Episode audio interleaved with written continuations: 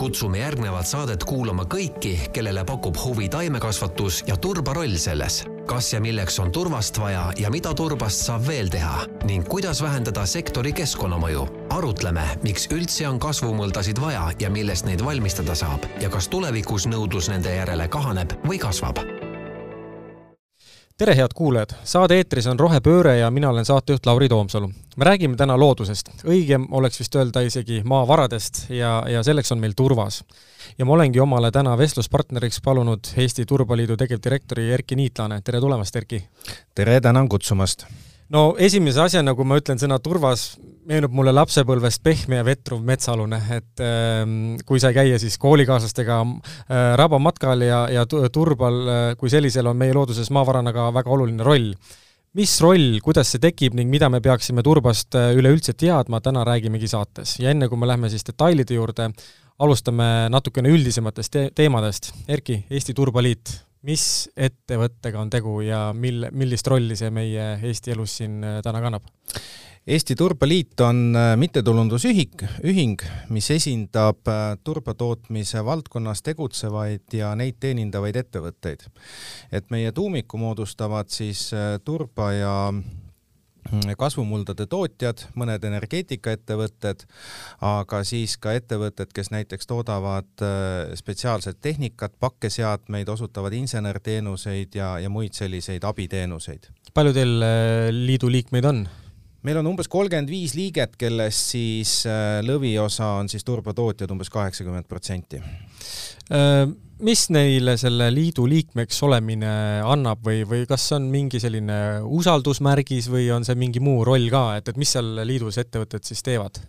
no kindlasti ka usaldusmärgis, et äh, võib-olla oleks lihtsam öelda, et mida liidus ei tehta, et liidus ei aeta äri ja, ja liit ei äh, kuidagi ei vahenda seda majandustegevust, et see mhm. on ettevõtete enda rida mm. -hmm. aga liit on moodustatud äh, juba kolmkümmend aastat tagasi, et selle aasta novembris tähistame siis oma kolmekümnendat sünnipäeva kaua sa ise oled olnud seal?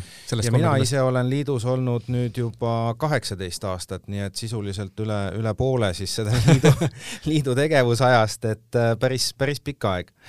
et äh, liikmeskond on suhteliselt stabiilne, on äh, olnud nii minejaid, aga, aga tulijaid on tegelikult rohkem, et liit esindab täna kaugelt üle üheksakümmet protsenti Eestis tur-, toodetud turbatoodetest nii-öelda mahupõhiselt mm, -hmm. on mõned ettevõtted, kes ei ole liidu liikmed, aga aga neid on siiski vähe. nii et meil on äh, väga esinduslik esindatus sektori läbilõikes ja, ja mis on siis liidu põhiline roll, on see, et olla siis võib-olla niisuguseks vahepartneriks äh, ettevõtete ja, ja näiteks riigi vahel mm, -hmm. et äh, üksikud ettevõtted ei jõua kaasas käia kogu õigusloomega, mis praegu on väga tihe, eh, ka mitte võib-olla näiteks eh, erinevate poliitiliste suundumustega ja ma ei pea siin ütleme silmas parteipoliitikat, aga võib-olla näiteks eh, Euroopa Liidu kliimapoliitika, rohepööre ja mm -hmm. kõik see, mis selle ümber toimub. ja teiselt poolt siis anda ka riigile sektori kohta informatsiooni, et need on võib-olla täna niisugused kõige tähtsamad rollid, aga ja. lisaks veel korraldame liidu liikmetele üritusi, koondame statistikat, äh, aitame neid oma nende tegevuses äh, erinevate nõustamat-, nõustamisteenuste ja, ja konsultatsioonidega. kas selles sektoris nagu see ettevõtete arv on pigem selline ajas ka muutuv või pigem niisugune stabiilne sektor, et ikkagi on äh, suured kindlad ettevõtted, kes sellega tegelevad või on niisugune, on mingit sellist rotatsiooni ka? Rotatsioon on vähe, tõmblemist ei ole üldse. pigem et, selline äh, mõistlikus tempos kõik? jaa, on väga stabiilne, valdavalt ka inimesed, kes selles sektoris töötavad, on, on ikkagi tegemas elutööd, et, et väga niisugust liikumist sektorisse sisse ja sektorist välja ei ole. et äh, on ikkagi oma, oma valdkonna spetsialistid, kes teavad, mida teevad suurepärane ja ma tahakski nüüd sellise esimese detaili juurde minna. küsimus on võib-olla suurem kui maailm ise, aga, aga kindlasti kuulajate oluline öelda, kuidas turvas üldse meil looduses tekib ja äkki sa avaksid natukene seda tausta ka?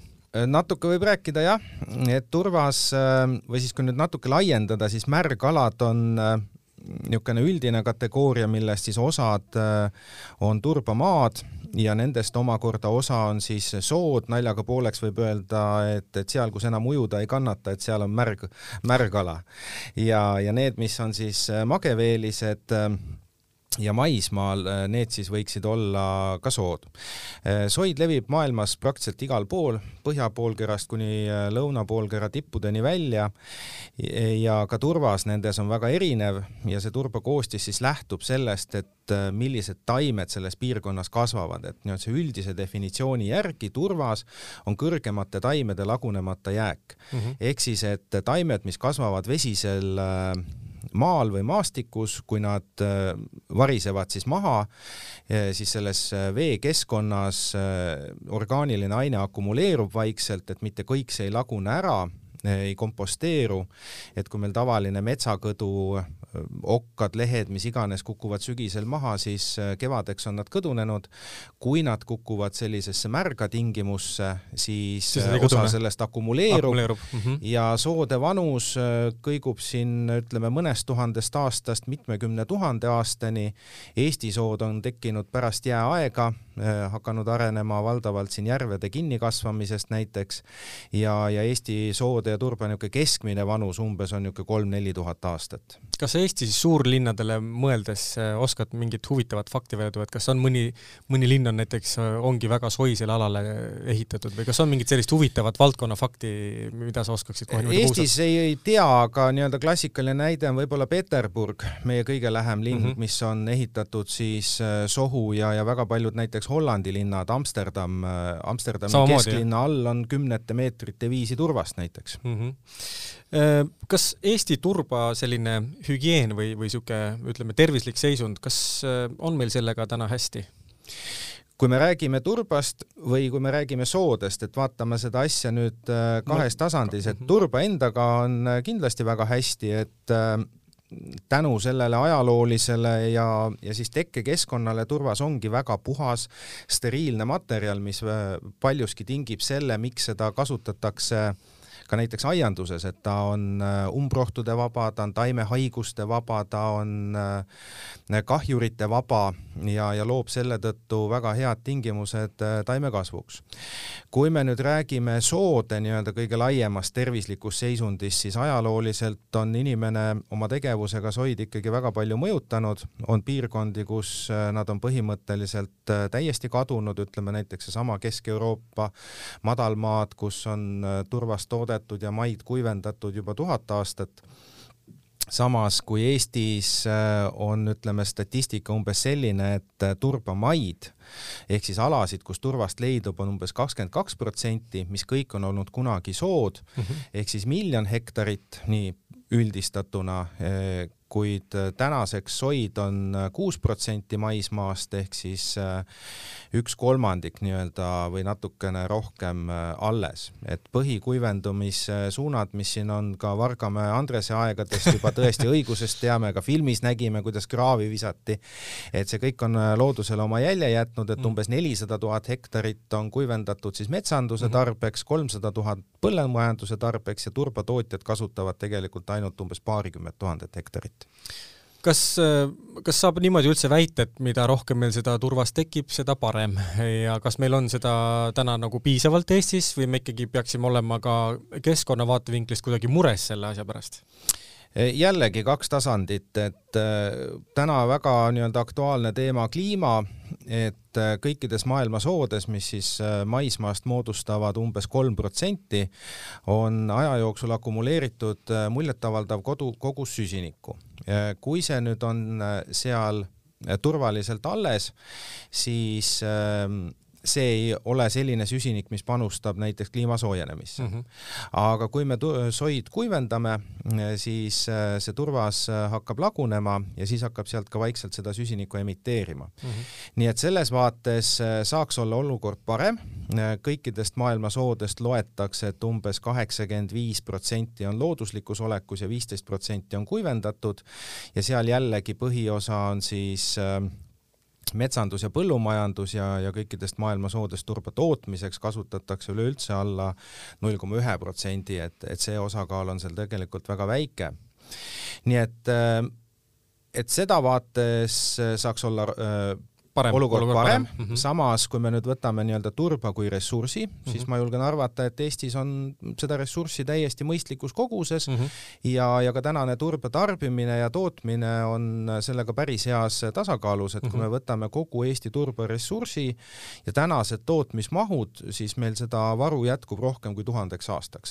seda on kindlasti rohkem kui enamikke teisi looduslikke varasid, mida me täna tarvitame. kas sellel, me varsti jõuame selle töötlemise teemani ka, et, et äh, mul on seal paar, paar küsimust sulle juba valmis pandud, et äh, aga kas kuidagi nagu eraisiku tasandilt, millist rolli see turvas meie elus äh, igapäevaselt üldse mängib, et kas me puutume sellega kuidagi ka nii-öelda tahtmatult kokku või, või, või on ikkagi pigem see, et äh, puutume kokku looduses nii-öelda?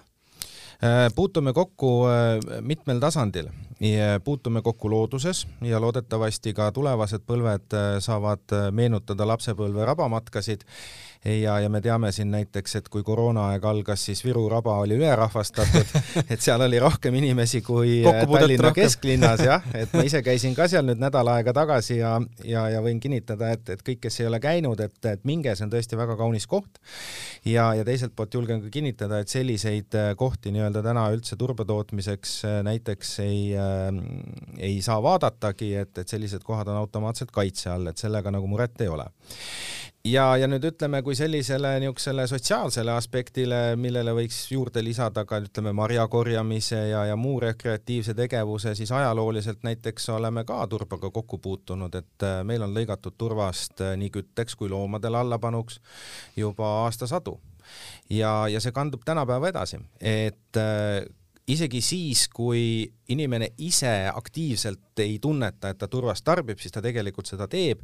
näiteks äh, kaheksateist protsenti Eesti või mitte Eesti, vabandust, Euroopa Liidu äh, põllumajandusest äh, tuleb aiandussektorist ja aiandussektor seitsmekümne protsendi ulatuses tugineb turbale, et ainult kümme protsenti näiteks kasvupuldadest üleüldse on turbavabad, et kõik ülejäänud sisaldavad turvast, et mm. ostes poest piltlikult öeldes tomatit, kurki, salatit, maitserohelist, mis iganes, siis see suure tõenäosusega moel või teisel turba peal kasvatatud, kuni siis linnapildis näiteks haljastuseni mm, -hmm. kuni äh, metsade taastootmiseni, et näiteks metsaseemikud siis kasvatatakse samuti üles turbal, enne kui nad äh, metsa istutatakse. no kui sa korraks räägid ka sellest tööstuslikust ja majanduslikust aspektist, et äh, palju meil seda tööstusesse läheb ja, ja millistesse sektoritesse, et, et osad asjad sa oled juba põgusalt maininud jah, see tööstuse vaade ongi see, et täna valdav osa Eestis äh, siis kaevandatud turbast äh, läheb turbatoodete valmistamiseks, aianduses kasutamiseks mm. -hmm.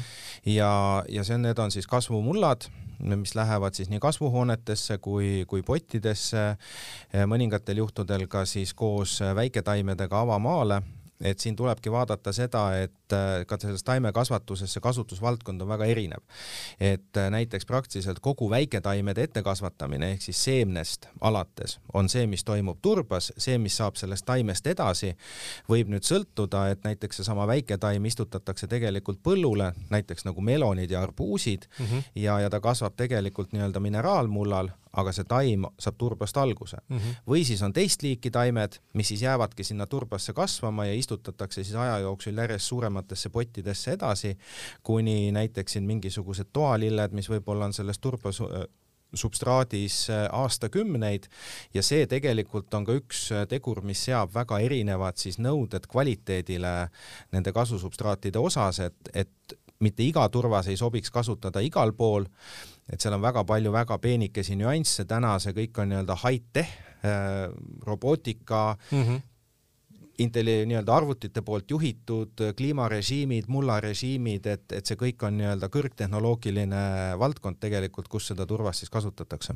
kuidas see tänane üldse rohepööre ju meeletult populaarne ja, ja, ja tihtilugu soovid ja, ja mõtted on äh, igasugustest seadusandlustest ees äh, tublisti, et, et kuidas see äh, ülikiire rohepöörde areng mõjutab näiteks seda turba siis ütleme siis kaevandamist, et kas seda peab tegema kuidagi rohkem, targemalt või või vähem või, või on vaja seda kuidagi, kuidagi nagu teistmoodi käsitleda ka selle rohepöörde kontekstis?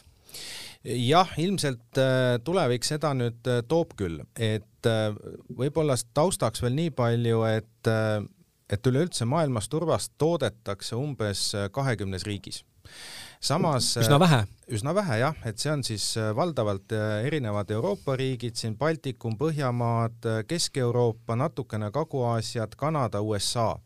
et, et see on see regioon, aga sellel on ka väga selged põhjused, ehk siis, et need on need kohad, kus looduslikult on tekkinud selline turvas, mida saab ja tasub kasutada mm. -hmm. aga aiandus moel või teisel on kõikides maailma riikides, alates ütleme siin Vatikanist kuni ma ei tea, Põhja-Koreani tegelikult. Vatikanis veel eriti palju jah, et, et kus siis nii-öelda toidu tootmine ja kus siis ilutaimede kasvatamine ja igal pool seda turvast tarvitatakse, nii et see kogu see turvas, mis siis selles kahekümne riigi, kahekümnes riigis äh, kaevandatakse ja millest siis kasvusubstraate toodetakse, tarnitakse laiali. Eestist näiteks meil eksport on üle üheksakümne viie protsendi, sest meie kogu nii-öelda siseriiklik aiandussektor ei ole väga suur mm. -hmm. aga, aga teised riigid jälle seda vajavad noh, nii-öelda täiesti asendamatult mm. -hmm.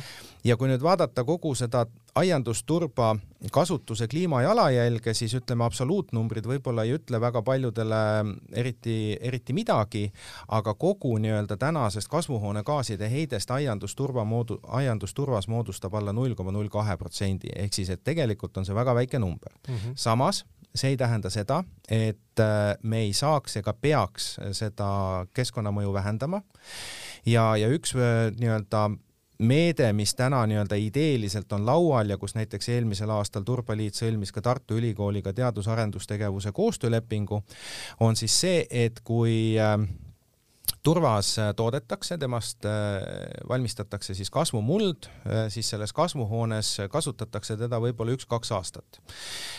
ideaalis tegelikult üks, aga, aga tänapäeval siis teda ka püütakse juba nii-öelda korduvkasutusse suunata, vahepeal natukene steriliseerida ja nii edasi, sellel on omad väga suured piirangud just selle taimekasvu ohutuse ja hügieeni ja haiguste leviku piiramise seisukohast, et see ei ole nüüd päris nii, et et pööritame seda seal lõpmatuseni aga, aga ühesõnaga proovitakse niimoodi neid mahte vähendada aga olulisem selle juures on see, et ega siis see turvas äh, laguneb aja jooksul väga aeglaselt.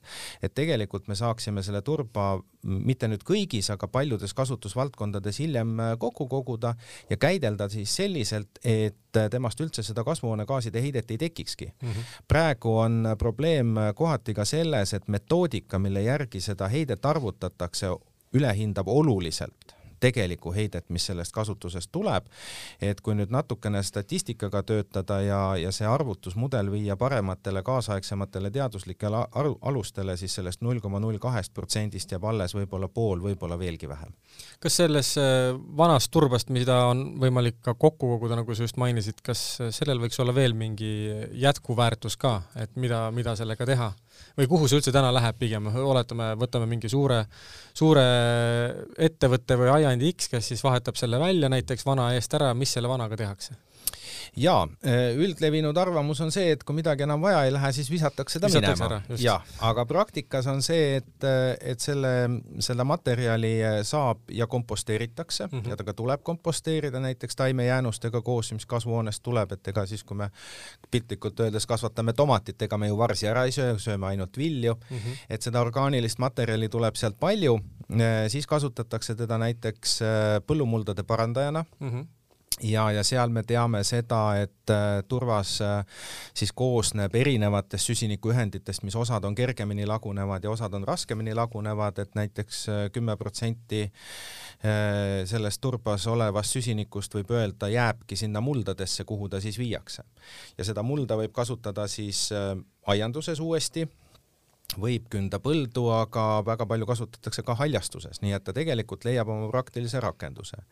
ja kui nüüd vaadata seda süsinikuringi seisukohast, siis äh, võib-olla saaks sellest toota ka mingisuguseid nii-öelda süsinikupõhiseid tooteid, äh, lastes äh, näiteks selle turba läbi pürolüüsiseadmetest ja, ja vaadata siis, mis sealt välja tuleb, et siin on nüüd küll mitte aiandusest lähtuvatest jääkidest, aga, aga muidu on turbas siin väga põnevaid tooteid arendamisel, sealhulgas ka Eesti teadlaste poolt, et üks ongi näiteks see, et et toota turbas siis aktiivsütt, mida saaks kasutada siis kondensaatorites, näiteks üks asi, mida siin Skeleton arendab mm, -hmm. et äh, mis on täna elektroonikatööstuse seisukohast hästi oluline ja, ja turvas oma tooraine omadustelt on selline, et sealt lähtuv ka siis äh, aktiivsüsi on äh, ühtede kõige paremate omadustega võrreldes teistest toorainetest, kus teda võiks ka toota. ehk siis täiesti perspektiiviga asi, mida kasutada? jaa, kindlasti, et muidugi seal täna on, ütleme, ütleme, kogused muidugi noh, nii-öelda sektori vaates on, on äh, võib-olla pisut liiga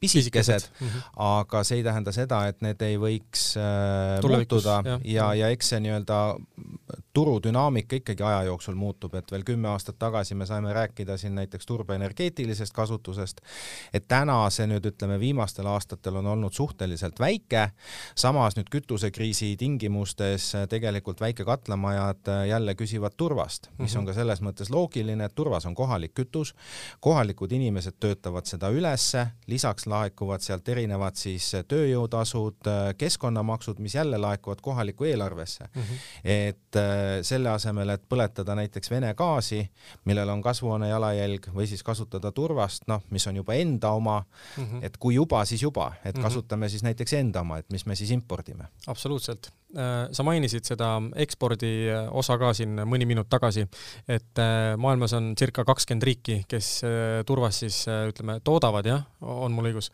kas sa oskad öelda ka sellised suuremad kohad, kust kes meie turvast näiteks kõige rohkem vajavad või ostavad, et kuhu see meie kaup nii-öelda produktina kõige rohkem liigub? et äh, nüüd üks suur regioon, kus kohas turvast toodetakse ja turvatooteid valmistatakse, see on ka oluline rõhutada, et, äh, et turvas äh, siis teda nii-öelda eksporditakse ka, võiks öelda, toorainena, aga väga palju valmistatakse sellest ka kohapeal juba lõpptoodangut.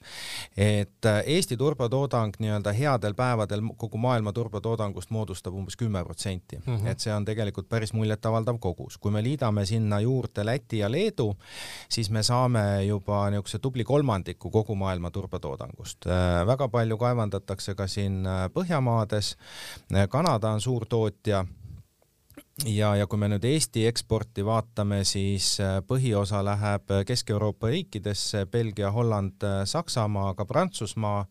Ja nemad moodustavad siis nelja peale kokku umbes viiskümmend kuni kuuskümmend protsenti, aga kokku eksporditakse Eesti turbotooteid enam kui sajakonda riiki.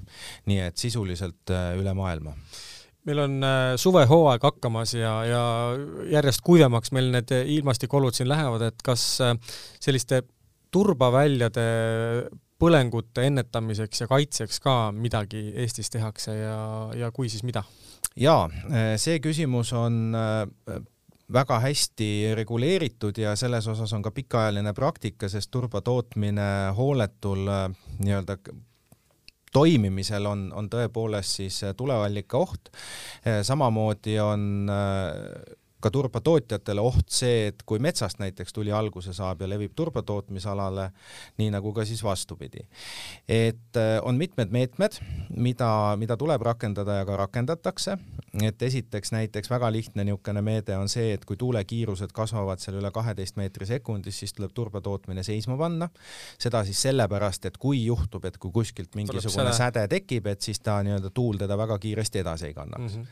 aga lisaks sellele siis kõikide kõik turbatootmisalad äh, on varustatud äh, veehoidlatega, seal on eraldi arvutusvalemid, et kui palju siis peab olema tulekustutusvett kogu aeg reservis iga turbatootmisala hektari kohta, samuti on normeeritud tulekustutustehnika olemasolu, et selle hulgas siis pumbad, paagid äh, ja muu tõrjetehnika, pluss siis inimesed peavad saama koolitust ja väljaõpet. Ja, ja turbaettevõtted teevad ka koostööd siis vabatahtlike päästekomandodega ja, ja rakendavad siis ka mitmeid teisi meetmeid, paikvaatlust, jälgitakse turbaaunas temperatuuri ja, ja nii edasi. aga kui me selle tööstusliku osa siit kõrvale jätame, oletame, et see turvas oma siis oma loomulikus elemendis seal looduses, et kas see turbaraba siis põleb kuidagi, maapind põleb altpoolt, et kas see on jälle teistpidi nagu ka jälle väga ohtlik või see kuidagi käitub, see põleng teistmoodi kuidagi, et seal see valmisolek võiks olla kuidagi nagu kõrgendatud? kui nüüd äh, tõsine tulekahju mm -hmm. turbatootmisalal juhtub, siis see on, siis see on tõesti väga, väga, väga ohtlik mm -hmm. ja mhm. väga halb asi. et see põhiline probleem ongi sellest, et ja me räägime nüüd sellistest siis maastikupõlengutest, mis levivad tõesti suurele alale, et, et seal mingisugune niisugune kerge, kerge turbatolm võtab selle tule ülesse mm -hmm. ja, ja siis tuul teda keerutab, tekivad ka niisugused väikesed, väikesed tule- ja tuulepöörised näiteks siis, mis üle maa lähevad ja kui seal kõrval on siis kuiv, kas siis turbapinnas või, või rabataimestik või mets, siis see on nii-öelda kerge süttima. ja, ja kui nüüd see tuli jääb tuli liigub nii-öelda kiirelt üle mm, -hmm siis, siis tegelikult ta suuremat kahju ei põhjusta. aga kui ta jääb nüüd kuhugi äh, Seisma. pidama mm, -hmm. siis äh, võib see tuuli levida ka sellesse turbalasundi sisse, selles osas, kus ta siis nii-öelda on põhjavee tasemest kõrgemal ja siis võivad tekkida sinna sellised nii-öelda põlevad kolded, mis isegi ei ole hiljem maa pealt näha, aga kuhu võivad siis inimesed sisse kukkuda või masinad sisse sõita, et seda on ajaloost siin mõningatel juhtudel teada, et tänapäeval on see tõrjetehnika ja kõik need vastumeetmed siin arenenud, et äh, tuleõnnetusi äh, juhtub igal aastal, äh, mõni aasta rohkem, mõni aasta vähem, aga nüüd päris sellist nii-öelda hukkunutega õnnetusi ei ole siin paarkümmend aastat minu teada olnud, aga siin ütleme kaheksakümnendatel Vene ajal ja ja, ja kõige, kõige võib-olla halvemad on näited sellest, et kui saadetakse kustutama inimesed, kes ei tea, kes ei ole sellega kokku puutunud. ehk siis kuidas seda kustutada? just täpselt, et kuhu tohib minna, kuhu ei tohi minna, kuidas sa positsioneerid ennast selle leegi suhtes ja nii edasi, et, et, et seda, kui nii-öelda professionaalsed päästekomandod teevad, siis, siis tänapäeval õnnestub ikkagi need reeglina suhteliselt ruttu nii-öelda lokaliseerida. Ja kuna me oleme oma saate, saatega hakkamas jõudma lõpusirgele, siis ma tahaksin su käest küsida veel ühe asja, et kui suur osa Eesti maismaast on siis selle ütleme, võtame siis kahtepidi, on selle siis soode ja turbaladega kaetud, et kas on üldse võimalik mingit protsenti või, või mingit äh, sellist matemaatilist mõõdet siia juurde anda? jaa, et äh, kakskümmend kaks protsenti on kaetud siis turbamaadega ja see definitsiooni kohaselt on siis sellised alad, kus turva, turvast on äh, rohkem kui kolmkümmend sentimeetrit ja kuus protsenti maismaast on siis sood, ehk siis need alad, mis ei ole Eh, kuivendatud ja kus nii-öelda turbateke eh, jätkub. Ja, ja väga väike osa siis null koma null, mitte nüüd null koma null kaks, aga null koma kaks. Ja väga väike osa maismaast on siis see, mis turba tootmiseks kasutatakse, et eh, üksnes umbes kaks protsenti siis turbamaadest raske isegi hinnata, kas seda on palju või vähe, ütleme kogu riigi kontekstis mulle tundub isegi, et neid alasid on üpris palju, et, et, et ma ei tea, kuidas sa liidu poolt vaadatuna hindad seda? ma arvan, et see on umbes optimaalne selles mõttes, et turbatootmisalad jagunevad üle Eesti, on mõningad nii-öelda kon-, kontsentratsioonikohad, et näiteks Pärnu maakonnas on neid natukene rohkem, mõnes maakonnas natukene vähem aga see teiselt poolt tähendabki seda, et see annab niisuguse positiivse panuse siis kohalikku tööhõivesse, maksubaasi, et ei ole nii, et ühed saavad ja teised ei saa, näiteks nagu on põlevkiviga mm, -hmm. et, et kõik, mis on põlevkiviga seotud, on sisuliselt Ida-Virumaal nii hea kui halb, et turbaga see jaguneb äh, ühtlasemalt üle Eesti. no selle positiivse noodiga saamegi oma saate kokku võtta, et äh, väga hea, sinu viimane vastus sobib ideaalselt äh, seda teemat kokku võtma. head kuulajad, saade oli Rohepööre ja minuga oli vestlemas täna Eesti Turbaliidu tegevdirektor Erki Niitlan, aitäh sulle, Erki, saatesse tulemast! tänan! olulisi teemasid minuga arutamast ja kõikidele kuulajatele samuti suured tänud, et olite meiega, otsige meid üles Delfi taskust, Spotify'st ja Apple'i keskkondadest, aitäh ja kuulmiseni! Kutsume järgnevat saadet kuulama kõiki, kellele pakub huvi taimekasvatus ja turbaroll selles. Kas ja milleks on turvast vaja ja mida turbast saab veel teha? Ning kuidas vähendada sektori keskkonnamõju. arutleme, miks üldse on kasvumõldasid vaja ja millest neid valmistada saab. Ja kas tulevikus nõudlus nende järele kahaneb või kasvab